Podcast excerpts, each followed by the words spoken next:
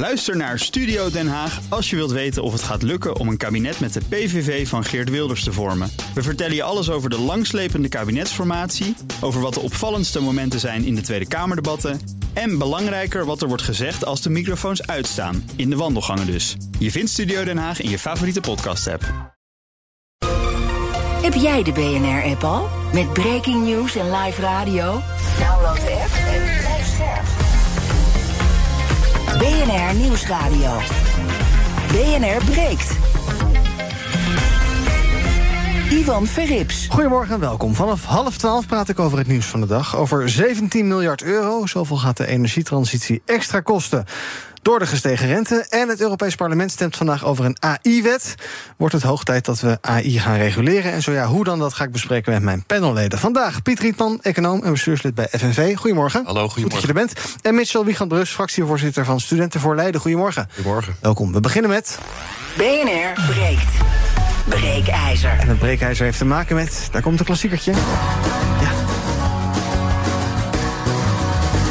Het is altijd lente in de ogen van de tandartsassistenten. Ja, mijn tweejaarlijkse nachtmerrie, de tandarts. Want die zou terug moeten keren in het basispakket van je zorgverzekering... vinden hulporganisatie Dokters van de Wereld en FNV.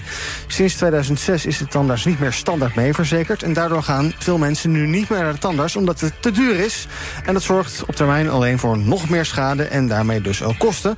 Met alle gevolgen van dien, zegt Hendrik Verschuur... van Dokters van de Wereld bij Eén Vandaag. Ze zitten letterlijk eh, ziek thuis, ze slikken vaak enorm veel pijnstillers met risico's van dien. Hè.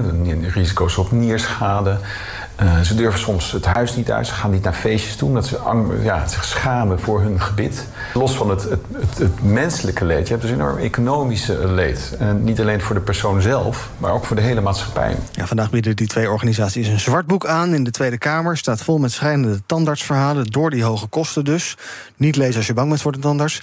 En wat eh, die partijen betreft, snel terug in het basispakket. Maar ja, dat vraagt wel solidariteit. Wie gaat dat betalen? Wil jij opdraaien voor de kroon van een ander? Als je zelf netjes twee dag je tanden poetst en nooit een gaatje hebt. Ons breekijzer vandaag. Ik wil niet betalen voor de hoge tandartskosten van anderen. Ben heel benieuwd hoe jij erover denkt. Laat je de antiflossers lekker zelf lappen... of ben je wel voor solidariteit? Meepraten kan via 020 468 4x0. Als je nu belt, kom je zo meteen naar de uitzending. 020 468 4x0. Breekijzer dus. Ik wil niet betalen voor de hoge tandartskosten van anderen. Zometeen hoor je hoe mijn panelleden erover denken. Maar ik begin met Marcel Canois. Hij is bijzonder hoogleraar gezondheidseconomie... aan de Vrije Universiteit in Amsterdam. Goedemorgen. Goedemorgen. Hier in de studio. En ook Wim van Geest, tandarts. En ehm, eh, is nu ook eh, bij ons. Goedemorgen, meneer van Geest. Ja, goedemorgen. Ja, onze stelling. Begin even bij u, ons breekijzer. Ik wil niet betalen voor de hoge tandartskosten van anderen. Hoe zit dat bij een tandarts zelf? Bij de tandarts zelf, ja, wij eh, weten hoe we moeten poetsen. Dat doen we ook. En we gedragen ons een beetje met suiker. En dan voorkom je heel veel problemen. Ja. Preventie is de basis. Goed idee om het in het eh, eh, basispakket terug op te nemen, wat u betreft? Nee, dat is eh, geen goed idee. Omdat eh, je dan de hele samenleving eh, opzadelt met eh, ja, een, een, een regeling. Terwijl je eigenlijk alleen de minima en mensen die het echt moeilijk hebben wil helpen. En er zijn andere methoden om dat te doen. In de bijzondere bijstand zijn regelingen. En wellicht kun je daar wat eh, uitbreiden. En dat is veel makkelijker dan voor, voor Jan en Alleman, die ook goed voor hun gebied zorgt, dit anders te willen gaan regelen. En bovendien de vraag: wie gaat het betalen? Ja, nou, wij met z'n allen dan dus. Ja, en dan, dan wordt het inderdaad de stelling: wil je meebetalen voor een ander? Ja, ik denk dat dat een, een, een te veel gevraagde solidariteit is. Oké, nou waarom dan eh, die grens daar ligt voor u, dat wil ik zo meteen met u kort bespreken. Meneer Canois, ik wil niet betalen voor de hoge tandartskosten van een andere. Hoe logisch is deze oproep van die, van die twee partijen vandaag? Ja, logisch. Kijk, eh, het gaat erom waar, waar trek je de grens van solidariteit. Eh, en, en het gaat altijd over de vraag van wat wil je wel en niet vergoeden. Eh, het is duidelijk dat een open hartoperatie, dat willen we vergoeden, want eh dat kan je niet betalen en het is zonde.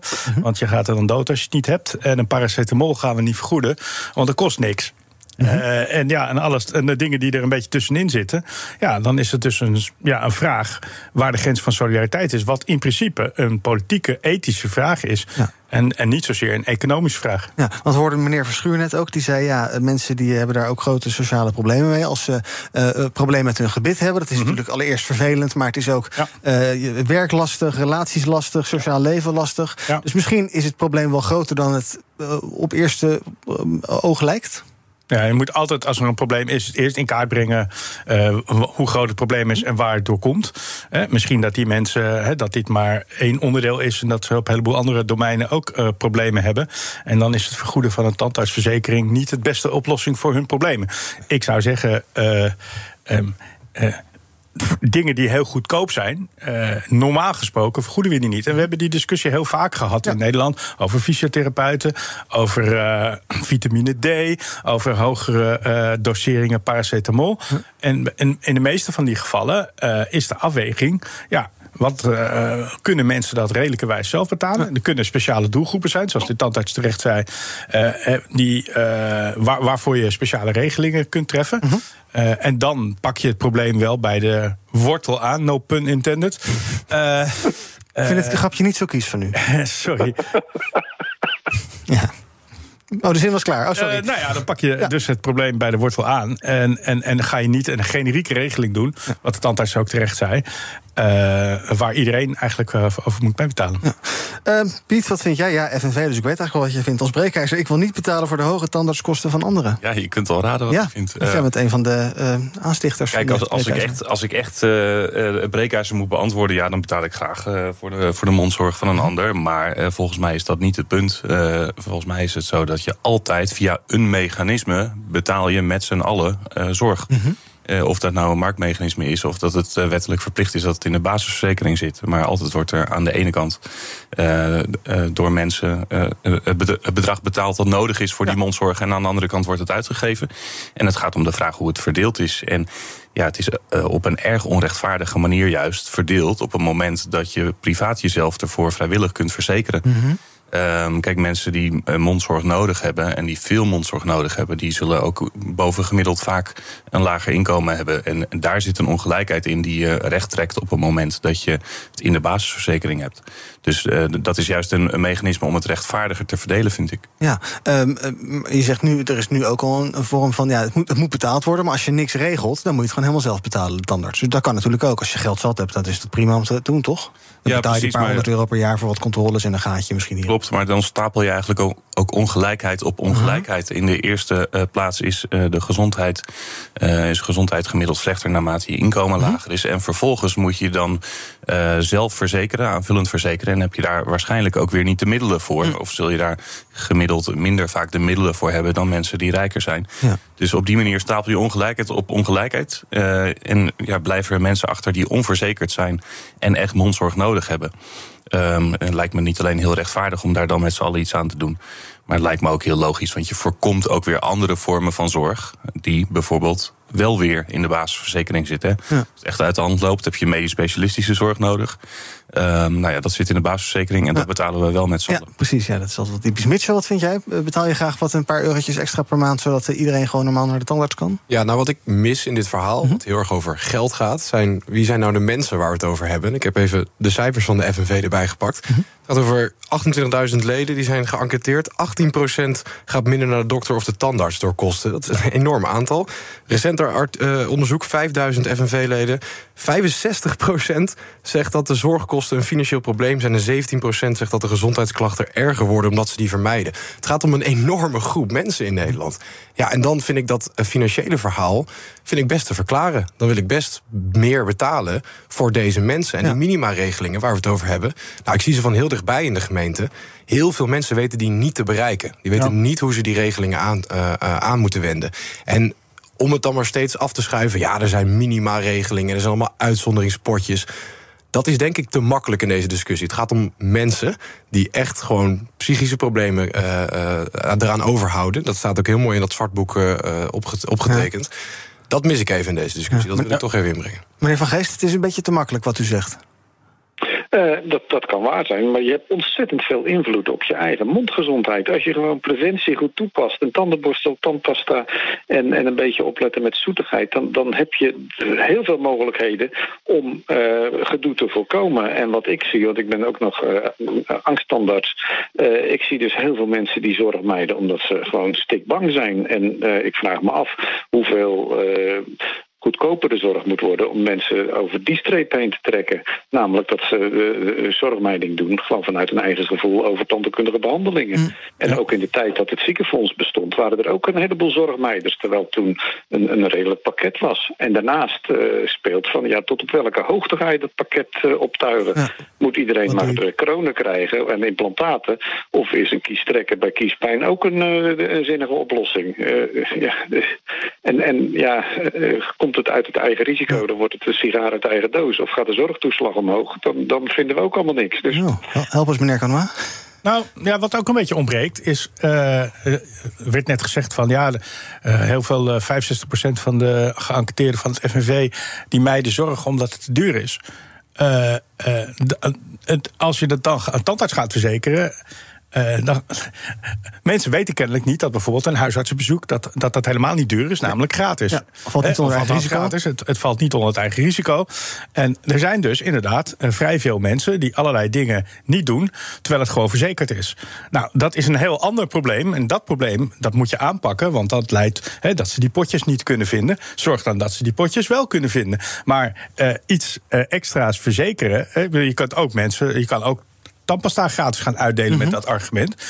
dat is niet de oplossing voor het zorgmijden. Ja, of we pakken het bij de basis aan, hè? een suikertax... om vervolgens die vergoedingen beschikbaar te maken. Ja, Dan nou, heb je en de bron aangepakt. Ja, suikertax, daar, daar, kan je best voor zijn. Het is ingewikkeld in de uitvoering, maar er bestaat al in de wereld... zijn er varianten van. En overigens... Uh, pak je dan, tussen aanhalingstekens, diezelfde mensen waar u het voor opneemt. Hm. Namelijk die mensen met dat slechte gebit en dat lage inkomen. En ik, heb, ik ben er niet op tegen, maar het is gewoon een keuze die je maakt. Maar je moet, er, je, je moet wel het probleem aanpakken daar waar het bestaat. En niet. Ja.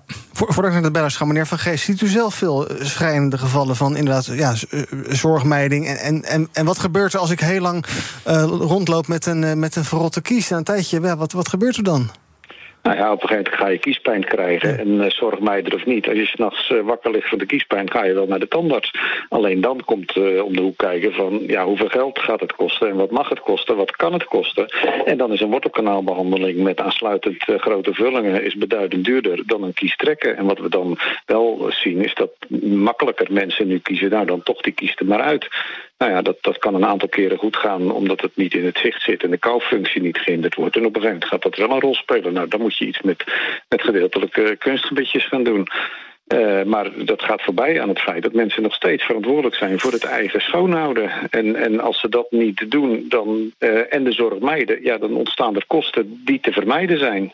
En uh, ik denk dat het heel belangrijk is dat er aandacht voor is. Maar met name aan de preventiekant en de vergoedingenkant... dan ben je eigenlijk al te laat. Ja, Piet, ik zie je een beetje zuur kijken. Ja, dat, dat, dat klopt. Nou, dat is mijn standaard uh, maar, um, ik, ja, precies. Ik heb een beetje, ik heb een beetje moeite met... Uh, ik heb een beetje, nou, dan ga ik ook meteen ook iets heel links zeggen. Want ik heb een beetje moeite met um, het idee dat je individueel verantwoordelijk bent... voor je, voor je eigen gebit. Ja, mm -hmm. natuurlijk is dat zo. Hè? Net zoals dat je individueel verantwoordelijk bent... voordat je uh, geen overgewicht hebt. En dat je individueel verantwoordelijk bent voordat je uh, een goede geestelijke gezondheid uh, hebt. Daar ben je allemaal individueel verantwoordelijk voor. Maar toch, ook al ben je er individueel verantwoordelijk voor, is het zo dat um, uh, hoe lager je opleidingsniveau is en hoe lager je inkomen is, hoe groter de kans is dat je een slecht verzorgd gebit hebt, overgewicht hebt of een slechte geestelijke gezondheidszorg hebt. Dus er ligt een structureel uh, uh, probleem ligt erachter.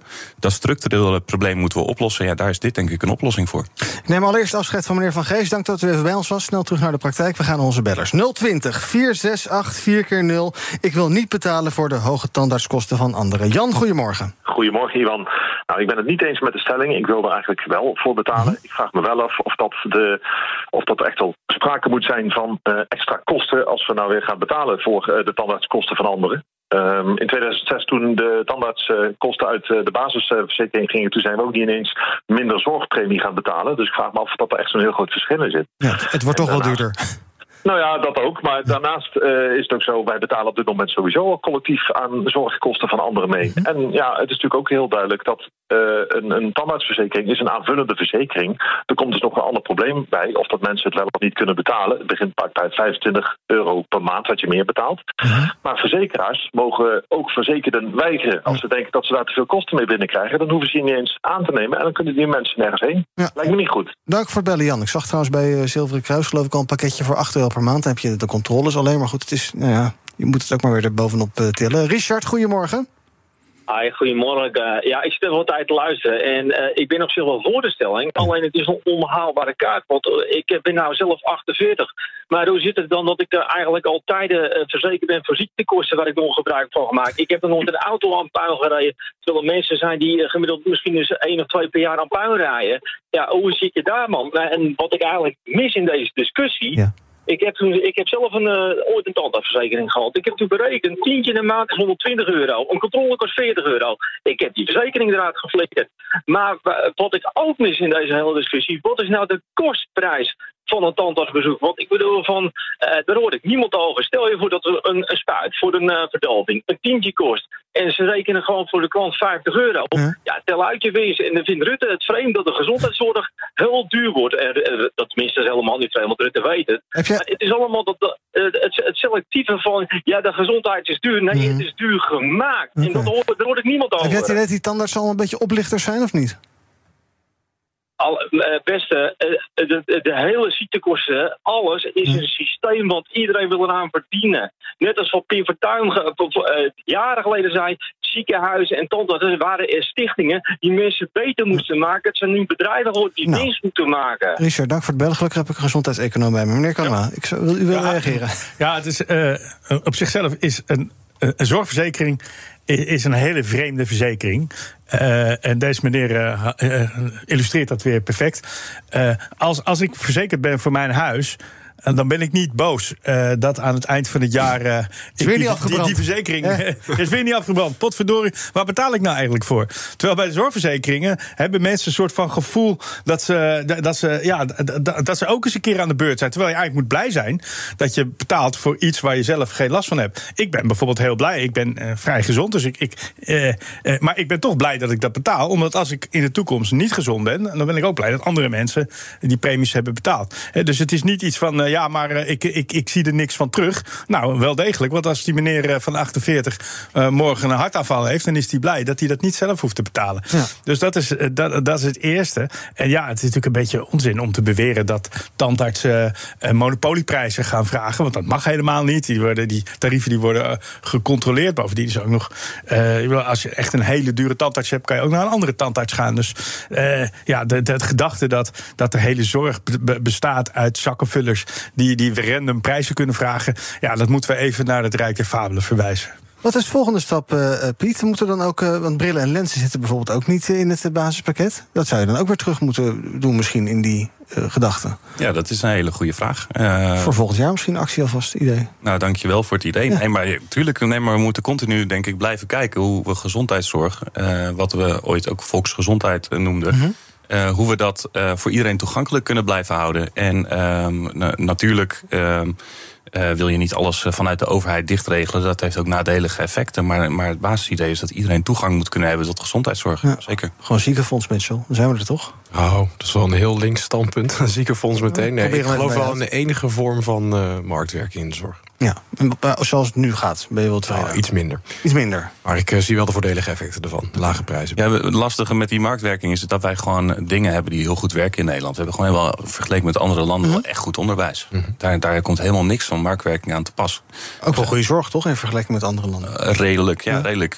maar goed, qua betaalbaarheid, qua toegankelijkheid kan de zorg natuurlijk wel beter. Toegankelijkheid. Maar, maar ik Sorry, denk dat. we, hebben het meest toegankelijke zorgstelsel van de wereld. Daar kan, daar, daar kan, niemand, daar kan niemand mee tegen zijn. Dat is gewoon een feit. Zeker, maar die 18% aan, aan zorgmeiders, eh, die hebben een toegankelijkheidsprobleem. Ja, maar je, je zegt net, eh, we hebben een heel goed onderwijs. Ja. En, en, maar de zorg moet toegankelijker zijn, terwijl we het meest toegankelijke stelsel van de wereld hebben. Hoe Ja, zie je dat dan? We hebben zorgmeiders, voor hen is Ja, we hebben zorgmeiders, daar moeten we ook iets aan doen. Daar ben ik, ben ik helemaal met je eens. Ja, voor hen is het dus niet zo toegankelijk. En nou ja, het is wel toegankelijk, alleen ze, ze vi- vinden die toegang niet en dan moeten we ze mee helpen. Nog een paar bellers. Afros, goedemorgen. Goedemorgen, vanaf Rotterdam. Hallo, zeg het maar. Kijk, kijk, de ene meneer, hij moet gewoon naar de politieke partijen starten, want hij zit gewoon alles goed te praten. Oh, zit ik in de tunnel, wacht even. Ja, rijdt de tunnel in. nou, we rijden de tunnel even uit, dan kom ik zo bij je terug. Altijd handig als je naar de radio belt en in de tunnel rijdt. Maurice, goedemorgen. Goedemorgen. Hallo, zeg het maar. Niet in de tunnel. Ik, eh, nee, niet in de tunnel, wel in de auto. Ik, eh, ja, ik, het is natuurlijk een, een, een bepaalde basisbehoefte. We beseffen allemaal dat eh, de, de tandheelkunde dat dat inderdaad een belangrijk iets is. Hè, en dat het ook veel klachten geeft wanneer de tanden een slechte gezondheid genieten. Maar ik denk niet dat je het moet afwentelen op de gehele maatschappij. Want de zorg is al onbetaalbaar. De zorgpremies die gaan in de toekomst stijgen. Die modelberekeningen liggen er. Sterker nog, ik denk dat het onbetaalbaar wordt. Maar ik denk dat wij eh, meer de, de, de, de, de zaken, de, de goederen, zeg maar, die eh, lees consumptiegoederen die eh, gezondheid verslechteren, lees suikers, roken. eh, alcohol in dat kader gewoon zwaarder moeten belasten. En dat die potjes nou eens een keer gebruikt moeten worden waarvoor ze bedoeld zijn. Lees betaalbaar houden van de gezondheidszorg.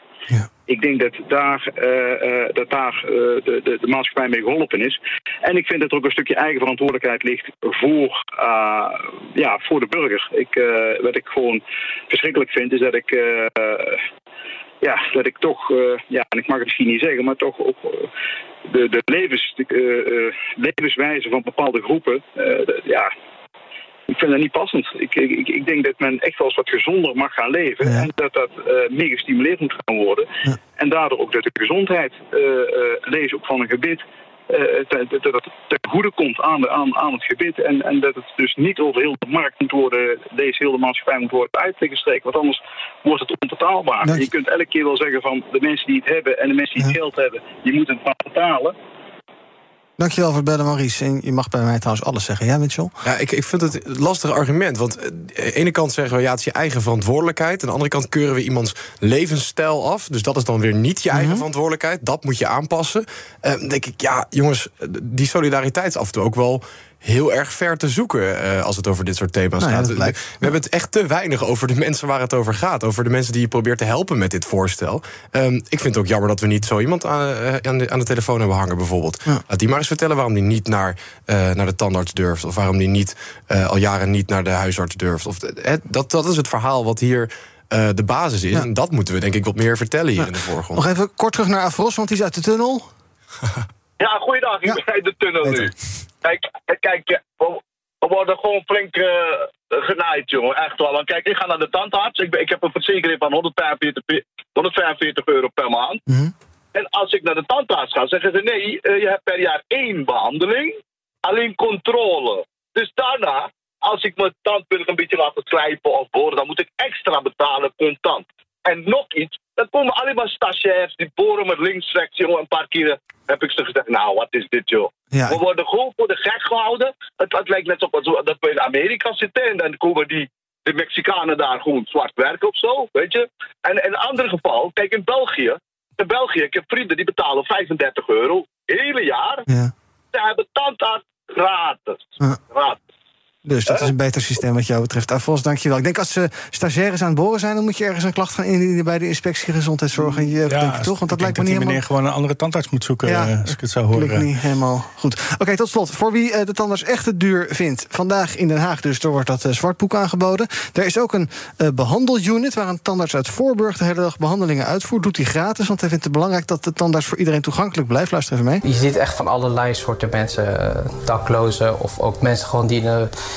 die in de bijstand zitten, eh, die ja, gewoon niet kunnen veroorloven om naar het tandarts gaan. Ja, dat, zijn, dat ziet hij dus ongeveer bij komen. Zijn het een beetje Amerikaanse praktijken? Dit herken je ook wel de verhalen van mensen die in een auto slapen... twee nachten om dan inderdaad hun tanden te laten trekken allemaal. Ja, elke vergelijking met Amerika, wat het krankzinnigste gezondheidssysteem van de wereld heeft, is echt eh, eh, niet aan de orde. Mhm. We leven in een beschaafd land. We kunnen een discussie hebben of we voor vitamine D of tandartsen wel of niet moeten vergoeden. Maar eh, dit soort eh, krankzinnige praktijken hebben we gelukkig niet. Ik dank Marcel Canoa, bijzonder hoogleraar gezondheidseconomie aan de VU in Amsterdam. Op onze Instagram-pagina 70% het eens met de stelling: ik wil niet betalen voor de hoge tandartskosten van anderen. Daar kan je nog de hele dag van je laten horen. En wij gaan zo meteen verder praten over al het andere nieuws van de dag. Bijvoorbeeld over het Europees Parlement dat vandaag over een AI-wet stemt. En eh, Eurostar moet eh, tijdelijk weg van Amsterdam Centraal. En de Nederlandse spoorwegen wisten dat al vijf jaar lang, blijkt nu. Valt daar nou niks op te verzinnen? Nou, ga ik zo meteen even oplossen dit probleem met mijn twee panelleden in het tweede deel van BNR Breekt. Ook Thomas van Zeil vind je in de BNR-app. Je kunt live naar mij luisteren in Zaken doen. De BNR-app met breaking news. Het laatste zakelijke nieuws. En je vindt er alle BNR-podcasts. Bijvoorbeeld Het Nieuwe Geld. Download nu de gratis BNR-app en. Blijf scherp.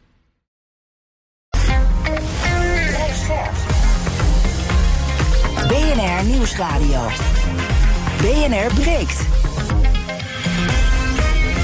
Ivan Verrips. Welkom terug. In mijn panel vandaag Piet Rietman, econoom bestuurslid bij FNV... en Mitchell Wiegand-Brus, fractievoorzitter van Studenten voor Leiden. En we gaan praten over het nieuws van de dag. Te beginnen bij de energietransitie. Want dat die eh, noodzakelijk is, nou, daar zijn veel partijen inmiddels wel van doordrongen. Maar bedrijven die nu investeren in groene energieprojecten... krijgen te maken met eh, kosten die door de hoge rente flink oplopen.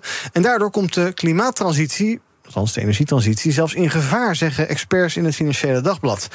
Die hoge rente die telt voornamelijk zwaar voor windmolens en kernenergie, zegt onze klimaat- en energieverslaggever Mark Beekhuis. Als je een windmolen bouwt, dan heb je in het begin heel veel kosten, want je moet in één keer die windmolen. Daarna is de wind gratis. Hetzelfde geldt voor zonneparken. Uh, het gaat juist niet over de fossielen, die kunnen eigenlijk gewoon tegen lage rente, of tegen gewone kosten door. Maar de rente die telt heel zwaar bij als je in het begin een investering moet doen. Geldt dus eigenlijk ook voor kerncentrales, als je dat uh, als optie zou zien. Ja, en dus, zo zegt het FD vandaag, gaat die energietransitie 17 miljard meer kosten door die hoge rente. Um, en zijn er bedrijven die wellicht uh, terughoudender zijn om op korte termijn daarin te gaan investeren in die transitie. Um, uh, hoe, uh, hoe moeten we die bedrijven gaan ja, helpen, dwingen, verleiden? wat moet eraan gebeuren? Aan die rente kan je niet zoveel doen, althans. Um, daar komen we zo meteen nog wel even op. Maar, ja, ik, maar, ik denk dat we sowieso bij de Europese Centrale Bank moet er denk ik een cultuuromslag zijn. Van je moet juist ervoor zorgen dat de energietransitie prioriteit heeft in financiering.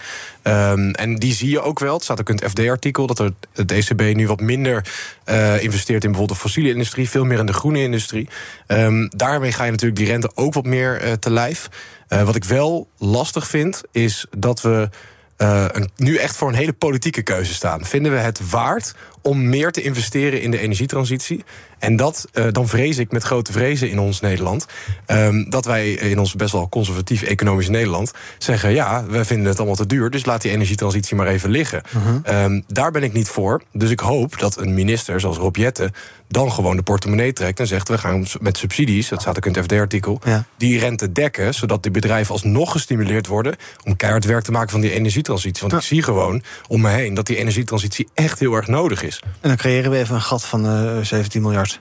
Ja, kijk, de, ik denk, daarom zeg ik, het is een politieke keuze. Ja. Je moet een keuze maken, waar ga je in investeren? Gaan we investeren in het duurzaam maken van ons land... Uh -huh. voor de komende 100 tot uh, 200 jaar? Of gaan we heel erg investeren in een, uh, nou ja, dus niet in een extra kaagbaan, waar ik echt blij mee was. Maar of gaan we die subsidies op, op Schiphol bijvoorbeeld stopzetten? Ja. Um, dus, dat zijn allemaal politieke keuzes. Ik denk dat het debat moet niet gaan over... al oh, wat erg dat het heel veel geld kost. Nee, hoe gaan we ervoor zorgen dat we wel dit betaalbaar kunnen gaan doen? Kunnen we er eigenlijk onderuit? Als je, stel dat je het zou willen. Dat je zegt van nou weet je, joh, laat maar even, dat doen we een paar jaar later. Of hebben we inmiddels dermate afspraken getekend... Parijs en dergelijke, dat je zegt het kan eigenlijk niet meer. Ik, uh, ja, vanuit mijn perspectief... Ja? Ik ben 23. Ik zou over 40 jaar, 50 jaar best in nog een leefbare randstad willen wonen. Ik denk, als we nu niet voor, uh, vaart gaan maken met die energietransitie... dat die leefbare randstad er ook niet meer in zit. Wat denk jij, Piet? Komt die transitie in, uh, in gevaar? Um, als ik nu naar de Tweede Kamer kijk, zitten er best partijen... die uh, nou, daar enthousiast over zijn om dat te doen. Ja, maar het, is geen optie uh, om, om het bestrijden van de klimaatcrisis in gevaar te laten komen. Want uh, de klimaatcrisis zoals die nu is, is al heel gevaarlijk. Het gaat, om, het gaat om mensenlevens. En dan in de eerste plaats niet in Nederland. Hè, maar klimaatcrisis zoals wij die nu kennen, gaat, gaat voor droogte zorgen, overstromingen zorgen, gaan mensenlevens kosten. Dus ja, in een crisissituatie, want dat is wat het is, moet je crisismaatregelen nemen. Uh, zelfs als ze duur zijn. En ja, jongens, we hadden dit ook gewoon kunnen doen toen het goedkoop was. We hebben hier in deze studio hebben we een jaar geleden een gesprek gehad over jongens, de rente is zo, of anderhalf jaar geleden, de rente is zo laag. Uh, wat zouden we daar allemaal voor mooie dingen mee kunnen? En toen kwamen er in deze studie allemaal prachtige ideeën langs over uh, innovatie, maar dan op een manier die ten goede komt aan iedereen. En, en, en, en kernfusie en bestrijding van klimaatverandering en beter onderwijs, noem maar op. En dat levert natuurlijk allemaal ook veel meer op uh, als je dat. Er zit een, een multiplier effect in, in, in overheidsinvesteringen. Ja. Dus het levert altijd meer op dan, dan je erin steekt. En die rente is niet zo relevant. Maar ja, dat is wel miljarden geschild als we dit geld jaren, twee jaar geleden, anderhalf jaar geleden hadden vrijgemaakt. Ja. en nu? En nu moet je het dus ook doen. Ja. ja. je kunt niet anders. Bovendien, alles kost toch eigenlijk meer door, door de hoge rente. Dus ja, dit dan ook, ja. Ja, precies. En kijk, de, uh, de kosten van gevaarlijke klimaatverandering zijn, zijn hoger dan de investering die het, die het is om het te bestrijden. Hè. Dus um, ja, op een gegeven moment moet je, wat dan in het, uh, uh, in het overheidsjargon mitigerende maatregelen wordt genoemd. Hè. Maar op een gegeven moment moet je uh, land laten overstromen, noem maar op, uh, moet je de schade van de klimaatcrisis gaan betalen. Dat is Ja. allemaal duurder. Ja. Um, NVDE, de Nederlandse Vereniging Duurzame Energie, wijst dus inderdaad wat Mitchell zei naar de ECB. Uh, daar is, is ook een, een rol voor weggelegd. Dat inderdaad, uh, als je geld wil lenen voor groene projecten, dat dat minder kost dan dat je geld wil lenen voor grijze of bruine Zwarte. of vieze projecten. Ja, precies. En uh, ECB heeft uh, met wat dan quantitative easing wordt genoemd, hè, dus opkoopprogramma's, hebben zij in, de, in, de, in het afgelopen decennium laten zien dat zij in staat zijn om, uh, uh, zonder dat dat markten ernstig verstoort, uh, te kunnen opkopen. Mm-hmm. Uh, en dat is on, altijd ongericht geweest. Dus dat is altijd uh, geweest van nou ja, we, we, kopen gewoon uh, eigenlijk financiële assets aan. Het moet aan deze risico-rendementsverhoudingen voldoen, ja. et cetera. Maar je kunt natuurlijk ook zo'n opkoopprogramma hebben dat in dienst staat van gewone mensen en in dienst staat van de strijd tegen de klimaatcrisis. Um, en ja, dan dus daarmee ook um, de, de, de, de, de switch naar duurzame economie versnellen. Oké, okay, dus als we willen is er geen man overboord. Dat denk ik wel. Ja. Dat is fijn. Dan gaan het hebben over kunstmatige intelligentie. Het Europees Parlement stemt vandaag over de AI Act. Wetgeving die uh, ja, alles rondom kunstmatige intelligentie in banen moet leiden. Inclusief chat-GPT-achtige toepassingen. Staat uh, veel op het spel. De belangen zijn groot. Analyseert de Volkskrant vandaag. Uh, ik had eigenlijk niet zo heel erg op mijn uh, radar dat dat vandaag ging gebeuren. AI Act. Ik weet niet heel erg het idee dat het nou, nou ja, e enorm leeft. Het is onderdeel van een risicopyramide voor kunstmatige intelligentie die twee jaar geleden al is opgesteld. Waarbij de Europese Commissie toen al verschillende AI-toepassingen in kaart bracht. Um, hard nodig om dit te reguleren? Ja, ik denk het wel. Um, ik zie nu om me heen dat uh, in een half jaar tijd iedereen opeens uh, uh, die AI's zoals ChatGPT of Midjourney is ja. gaan gebruiken. Um, dus ik denk dat op het moment dat je een industrie hebt die ongebreideld snel groeit, dan is het, loopt de overheid eigenlijk altijd erachteraan van ho ho, we hebben nog wat regeltjes voor jullie. dus ik vind het heel goed dat we in Europa heel snel aan de slag zijn gegaan met regels. Mm -hmm. Maar ik las ook tussen de regels door dat dingen zoals ChatGPT, BART, uh, die zijn uh, in een uitzonderingspositie beland in dit wetsvoorstel. Oh. Waardoor ze dus niet worden gezien als hoog risico. Um, dat vind ik jammer. Uh, maar dat was volgens mij omdat de, de, de wat kritische tak, vooral de wat conservatievere tak, um, in het Europese parlement heeft gezegd: luister, um, wij vinden juist dat de industrie hiermee moet kunnen innoveren. Nou, en ik hoor daarin al heel veel science fiction films, industrie innoveren met artificial intelligence. Ja, ja ik, zeg juist, ga nou alsjeblieft reguleren. Ga kijken wat kan wel en wat willen we aan de voorgrond uh, dat zo'n AI tot zich krijgt. Ja. Wat voor informatie krijgt zo'n AI nou uh, gevoed? Um, en gaat dat reguleren. En dat staat ook wel in het wetsvoorstel. Dus ik hoop heel erg dat hij het haalt vandaag in het Europese parlement. Maar het wordt nog volgens mij best spannend. Ja, en waar vrees jij voor als je denkt aan innoverende industrie? Nou, ik denk dat er heel veel bedrijven zijn die dan denken... god, dan kunnen we wel een beetje experimenteren... met bijvoorbeeld op het internet loslaten... wat nu ook al, al mm-hmm. een tijdje gebeurt. Nou, Microsoft heeft ook toen al gezegd van... nou, we trekken hem even een tijdje terug... want het werd een beetje te eng. Ja. Um, oh, ja. uh, de dingen die hij allemaal wist. Uh, dat, uh, dat ChatGPT op een gegeven moment een mens kon inhuren... om de, de, de, de, sorry, de verificatie, tweestapsverificatie te omzeilen. Ja. Um, dat zijn allemaal dingen waarvan ik denk... dat, is, dat gebeurt nu al... Laten we even een, ja, een jaar verder gaan kijken. Hoe ver zou zo'n uh, AI-tool dan hm. zijn? En als we nu geen regels daarvoor instellen? Piet, de AI-act is de, de, de redder van de werknemer. Zijn jullie anders ten dode opgeschreven als nou, dus, FNV? Er zitten twee hele interessante kanten aan. Aan de ene kant is het zo dat er allerlei... Um, uh, uh, nou, kanten aan zitten waar we van schrikken.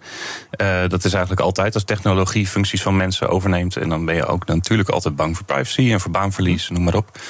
Tegelijkertijd. Uh, ja, bijvoorbeeld mensen die in een callcenter werken en, en vrij eenvoudige vragen moeten beantwoorden, als dan een chatbot dat voor ze kan doen.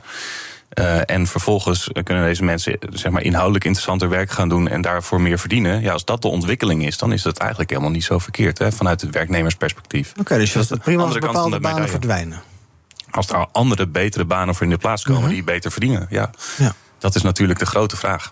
Maar bij, bij je er, alle, je er positief over of, maak je er vooral zorgen om? bij alle automatisering. Nou, ik denk dat je dat in de goede kant kunt duwen. Eh, ik denk dat je er wel actief bovenop moet zitten. En dus bijvoorbeeld door werkgevers die automatiseren of robotiseren, die kun je ook laten meebetalen aan het creëren van, eh, van nieuwe banen bijvoorbeeld, of aan het faciliteren van die transitie. Dus je moet daar wel echt beleid voor hebben, zodat het, zodat het een ontwikkeling is die in het voordeel van werknemers eh, werkt. Maar ik denk dat je het zo wel kunt bijsturen.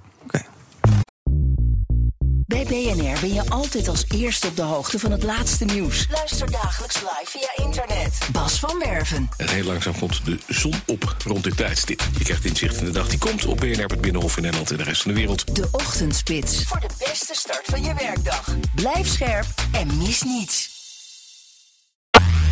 BNR breekt. Met Thomas dus. We gaan praten over het eh, nieuws wat mijn panelleden zelf is opgevallen. Mitchell, ik wil bij jou beginnen. Jij hebt een artikel eh, uit eh, onder andere de Volkskrant meegenomen. Dat gaat over dat compensatiepakket dat aan de kant is gezet voor eh, studenten onder andere... om ze te compenseren voor de gestegen energiekosten. 35 miljoen geloof ik. Alleen daar wordt eh, amper een euro van uitgekeerd. Ja, zeker. Wat Ja. gaat daar mis? Het kabinet heeft 35 miljoen euro vrijgemaakt voor de studentensteden. Om eh, alsnog via de bijzondere bijstand eh, geld uit te keren aan studenten. om hun hoge energiekosten te compenseren. Nou, wat blijkt, de eisen daarvoor die zijn veel te strikt per gemeente. Bijvoorbeeld, je duo-lening wordt gezien als inkomen. Nou, sowieso is dat al heel bizar, want dat is een inkomen wat je terug moet betalen. Ehm, maar daardoor vallen heel veel studenten, vrijwel alle studenten, buiten de eisen voor, eh, voor die bijzondere bijstand. Nou, in Leiden hebben wij eh, dit debat ongeveer twee maanden geleden gevoerd met, eh, met het college. Toen hebben we gezegd. Er is geld, ongeveer 3,4 miljoen wat we gekregen hebben, samen met onze eigen begroting. Ga dat nou uitkeren aan studenten? Nou, dat hebben we voorgesteld en daar is dan niemand voor in zo'n gemeenteraad. En dat zien we dus nu in alle studentensteden. Zie je in Utrecht, zie je in Amsterdam, zie je in Groningen. We gaan dat geld wat geoormerkt is voor studenten, gaan we nu uitkeren eigenlijk aan een brede begroting in een stad. Dus het komt niet doelmatig terecht bij de mensen waar het voor bedoeld is. Nou, er zijn gewoon heel veel studenten die een enorm bedrag hebben moeten afdragen aan hun huisbaas, dan wel aan hun energiecontract. Die dus nu eh, veel eh, grotere deuk hebben gekregen in hun nu al studieschuld, eh, eigen, eigen rekening. En de gemeentes zeggen eigenlijk nu: ja, we vinden het eh, niet doelmatig om dat geld alsnog uit te keren aan studenten. Nou, de rechtszaken vliegen om de oren. En terecht. Eh, en ik hoop nu dat met dit kritische artikel in de Volkskrant. dat het eh, kabinet en de colleges van al die studentensteden. toch nog even achter de oren gaan krabben. met hoe gaan we dat geld nou daadwerkelijk bij de studenten krijgen. Want dit is per gemeente bepaald, die voorwaarden. Zeker, ja, dat is sowieso iets heel bijzonders. Hè, want het kabinet die gooit eigenlijk gewoon 35 miljoen over de schutting van de studentensteden. En zegt: gaan jullie maar ervoor zorgen maar. Ja, dat het dan bij de studenten Nou, en je ziet gewoon dat, dat wethouders in die colleges die vinden dat heel ongemakkelijk. Want eh, ze zeggen bijvoorbeeld: we weten niet hoe we die studenten moeten bereiken. Studenten zijn sowieso binnen die regeling, vallen ze er eigenlijk altijd buiten. En dan zijn er nou, raadsleden zoals ik, die dan voorstellen doen om dat minimum heel erg naar beneden te trekken. Dus eh, maak het minimum lager. eh, schrap die duo-regeling. Nou, dat is allemaal heel erg lastig. Waarom? Is dat onwil? het is onwil, maar ook binnen de participatiewet is het heel lastig. Vanaf 1 juli hebben we die nieuwe wet. En dan wordt het echt onmogelijk om dit nog bij studenten terecht te krijgen. En in het uh, Volkskrant-artikel staat nu dat er een aantal uh, uh, steden zijn, zoals Utrecht, die ook na 1 juli geld gaan uitkeren. Die hebben het gereserveerd. Nou, ik zou dat in. Nou, in Leiden zie ik dat gewoon niet. En dat zou ik heel graag ook in Leiden willen. Um, maar ik vind het gewoon heel typerend voor onze nationale overheid om geld over de schutting te gooien naar uh, lokale overheden, overheden. Om vervolgens dan tot de conclusie te komen, nu in de Volkskrant, dat dat geld eigenlijk helemaal niet doelmatig besteed wordt. Nee. Dat het gewoon op de plank blijft liggen bij gemeentes. En het maakt me ook gewoon boos, want ik zie om mij heen heel veel studenten die heel erg veel moeite hebben gehad met het uh, betalen van hun energierekening. En dan denk ik, ja, ik, ik ik word er gewoon boos van dat ja. ik in een raad een voorstel doe. Dan zitten we in die raad, kunnen we een voorstel doen. Haalt het ook niet. In Utrecht haalt het het niet. In uh, Amsterdam haalt het het niet. In Groningen haalt het het niet. En nu krijgen we in de Volkskrant het artikel. Ja, het ligt op de plank. Ja. En binnenkort wordt het potje gewoon opgeheven. En dan ja. komt het uh, op de grote stapel waarschijnlijk. Ja, zeker. En heb je nog hoop dat je er iets aan kan gaan veranderen? Of is het een beetje trek aan een dood paard? Oh, dit is, niet heel hard ja schudden. Dit is echt wel uh, trek aan een dood paard. In ieder geval lokaal. Maar nationaal... Uh, maar die rechtszaken worden gewonnen, toch? Dat is het goede nieuws. Ja, maar de, vervolgens krijg je die rechtszaak, die win je. En dan krijgen degenen die de rechtszaak hebben aangespannen... krijgen het geld. Dat zijn dan 400 studenten ongeveer per stad gemiddeld. Ja, en de andere paar duizend studenten die ook die uh, energierekening, uh, energierekening uh, omhoog hebben zien schieten, die krijgen dat niet. Aha. Dus het werkt niet als een precedent. Ehm, wat het eigenlijk wel zou moeten zijn. Dus het is een hele rare, vind ik persoonlijk, juridische dwaling. ehm, waardoor je dus eigenlijk dat geld niet bij die mensen terecht. eh, Dus als de gemeente komen. Leiden deze rechtszaak zou verliezen, dan zouden ze dus minder geld kwijt zijn dan als ze nu aan iedereen zouden betalen. Ja, dan wil je het dus altijd op een rechtszaak laten aankomen. Ja. Precies, en dat hoor je een wethouder natuurlijk niet openbaar zeggen. Maar dat is wel wat er gebeurt. Blijven vechten. Ja, doe mijn best. Piet, jij wil het hebben over deze man. Luister even mee. Hoge drukgebied trekt langzaam weg in de richting van Duitsland en Polen. Maakt uiteindelijk de weg vrij voor wat frissere lucht vanuit het westen. Een overgangszone komt dichterbij. Fijne dag verder. Ja, weet je wie het is, Mitchell? Ik zeg dat ik niet zo vaak het weerbericht kijk. Nou, het is in ieder geval een weerman, dat heb je al goed. Wie is dit, Piet? Wat was zijn naam ook weer? Ik, ik, eh, zelf aangedragen. ja. Reinier van den Berg. Oh, het is Reinier van den Berg. Ja. Ja, nee, precies. Leuk is, bij BNR hebben we vaak een weerman die heet Reinhard van der Born. Dit lijkt een beetje op Reinier van den Berg, maar dit is Reinier van den Berg. Wat is er met Reinier aan de hand? Ik weet niet waar hij het weer presenteert. eh, RTL Nieuws. Dus vandaar dat ik, hem- nou ja, daar kijk ik volgens mij niet naar. Dus vandaar dat ik het niet kende. Alleen het eh, raakte mij een beetje, dit nieuws vanochtend. Dus een weerman wordt bedreigd. Eh, Met de dood. Ja, met de dood. En dat is dan zo extreem nieuws. En dan eh, vind ik het altijd zo makkelijk om daar dan zo. eh, eh, dan, te, dan te denken van, oh, wat een, wat een gekke wereld leven we toch. Hè? Of wat een rare figuren lopen er rond. En dan weer verder te gaan met je dag. Maar ik vind eigenlijk, je moet eigenlijk proberen toch je te verdiepen. Nou ja, zowel in het slachtoffer als in de dader. En dat laatste, dat is het, het allermoeilijkste hier. Want in wat voor eh, state of mind ben je als je een weerman met de dood bedreigt... omdat hij iets zegt over klimaatverandering. Omdat die weerman zegt dat klimaatverandering plaatsvindt. Ja, Ja. Wat, wat is er dan met je aan de hand? Eh, ben je dan gewoon gek? Nou ja, als dat zo is, dan zijn er heel veel gekken op een moment. Eh, ben je dan een, een slecht persoon? Nou ja, misschien ook niet. Niemand wordt als een slecht persoon geboren. Mhm. Ik denk dat de enige verklaring voor dit soort randverschijnselen is dat je. volgens mij kun je alleen op het punt in je leven komen dat je denkt: ik ga een weerman met de dood bedreigen. op het moment dat je oprecht denkt. Ja. Dus dat, hè, er zit verder niks achter dat je oprecht denkt dat die weerman inderdaad een bedreiging is, omdat die zegt dat klimaatverandering echt is. Ja. Weet je, anders is, anders is zoiets niet te verklaren. Je moet daar gewoon heilig van overtuigd zijn. En dat is ook wat we eh, zien in onderzoek naar complotdenkers en naar extreem rechts en dergelijke.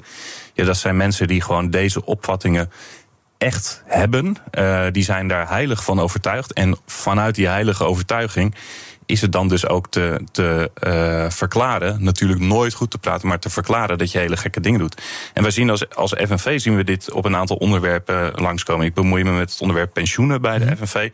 Nou, dan zie je bij het nieuwe pensioenstelsel zie je dat er dus in Nederland best wel wat mensen zijn die dan denken dat er een grote pensioenroof plaatsvindt. Er worden miljarden afgepakt van gepensioneerden. En het heeft zin om daar een schadeclaim tegen in te gaan dienen. Nou, de mensen die die schadeclaims organiseren, die, die lopen binnen. Dat zijn echt beunhazen die gewoon eh, ja, eh, mensen een rad voor ogen draaien en daar zelf geld mee verdienen. Maar de mensen die daar aan meedoen, die, die denken echt dat er een soort van roof plaatsvindt. En ik merk dan in gesprekken met die mensen dat het, dat het heel moeilijk is om daar een gesprek over te voeren, omdat je niet hetzelfde startpunt hebt, namelijk gewoon ja, feiten. Eh, ja, hetzelfde geldt met de klimaatcrisis. Wij hebben eh, ehm, vrijdag. of nee, zaterdag stonden wij in de krant met dat wij willen dat pensioenfondsen uit olie- en gasbedrijven stappen. Nou ja, dan krijgen wij dus mailtjes, maar ook reacties op Twitter van mensen die dan denken dat de klimaatcrisis niet bestaat. Dat er geen klimaatverandering is. En ja, als je dus, ehm, nou dat zien we aan, aan dit nieuws, maar als je dus ehm, ideeën hebt die gewoon feitelijk echt niet kloppen, maar je bent er heilig van overtuigd, dat is een voedingsbodem voor, eh, voor ook wel gevaarlijke vervolgstappen. Ja, en mensen die dus zeggen dat hij een leugenaar is, hypocriet... dat hij eh, lekker geld verdient aan zijn klimaathobby... rot op met je linkse hobby's, dat soort teksten. Hij blijft wel standvastig en zegt ik ga lekker door met mijn werk. Ja, dat is fantastisch. moedig. Dat is heel goed. Tot slot kijken we even wat er trending is op de socials. Silvio Berlusconi zien we terug. Italië neemt vandaag afscheid van de oud-premier, zakenman en eh, voetbalclub-eigenaar. Hij krijgt een staatsbegrafenis in de kathedraal in Milaan uiteraard. Ehm, en ook eh, Jan-Peter Balkenende zal erbij aanwezig gaan zijn. Ehm, trending ook hashtag eindexamens. Vandaag is de eerste dag dat eindexamenleerlingen 192.000 in totaal om precies te zijn. Rillend als een rietje wachten op dat ene verlossende telefoontje geslaagd of niet geslaagd. En dan wil je dus eh, dit net niet horen. Hoi, met Katelijne. Hoi Katelijne. Ik uh, moet je nog teleurstellen helaas. Oké. Ja. Oké, jammer. Nou, ik had hem wel zien aankomen eigenlijk. Ja, dan komt de tv langs voor een fragmentje in de B gezakt. Dat is toch een beetje lullig. Tot slot moet ik ook nog even kort hebben over blindfluencer Charda Struik. Iedereen op TikTok zal haar kennen. Eh, de vrouw die zegt, hallo, ik ben Charda en ik ben bijna blind. Die ziet maar 5% en wordt nu burgemeester van de gemeente Leiderdorp. Ze is nu nog gemeenteraadslid namens de VVD in Zeist. 195.000 volgers op TikTok, waar ze dus filmpjes deelt over haar leven als bijna blinde. En hoe dat er ook, eh, eh, nou ja, waar ze dan tegenaan loopt. Ze is groot voorvechter van diversiteit en inclusie. En wordt nu dus burgemeester in Leiderdorp. Blindfluencer Charda Struik. En tot zover BNR Breekt voor vandaag. Ik dank mijn twee panelleden, Mitchell, Wiegand Brus en Piet Rietman. Fijn dat jullie er waren. Dank. Gezellig, Graag Tot de volgende keer insgelijks. Morgen ben ik er weer. Tot die tijd volg je ons via de socials. En radio aan laten staan, warm aanbevolen. Want dan is zometeen hier Thomas van Zel. Je gaat luisteren, toch Piet? Ja, ja, Heel goed, ja, nee, goed. Met zaken doen. Tot morgen. Bij BNR ben je altijd als eerste op de hoogte van het laatste nieuws. Luister dagelijks live via internet. Bas van Werven. En heel langzaam komt de zon op rond dit tijdstip. Je krijgt inzicht in de dag die komt op BNR, het Binnenhof in Nederland en de rest van de wereld. De Ochtendspits. Voor de beste start van je werkdag. Blijf scherp en mis niets.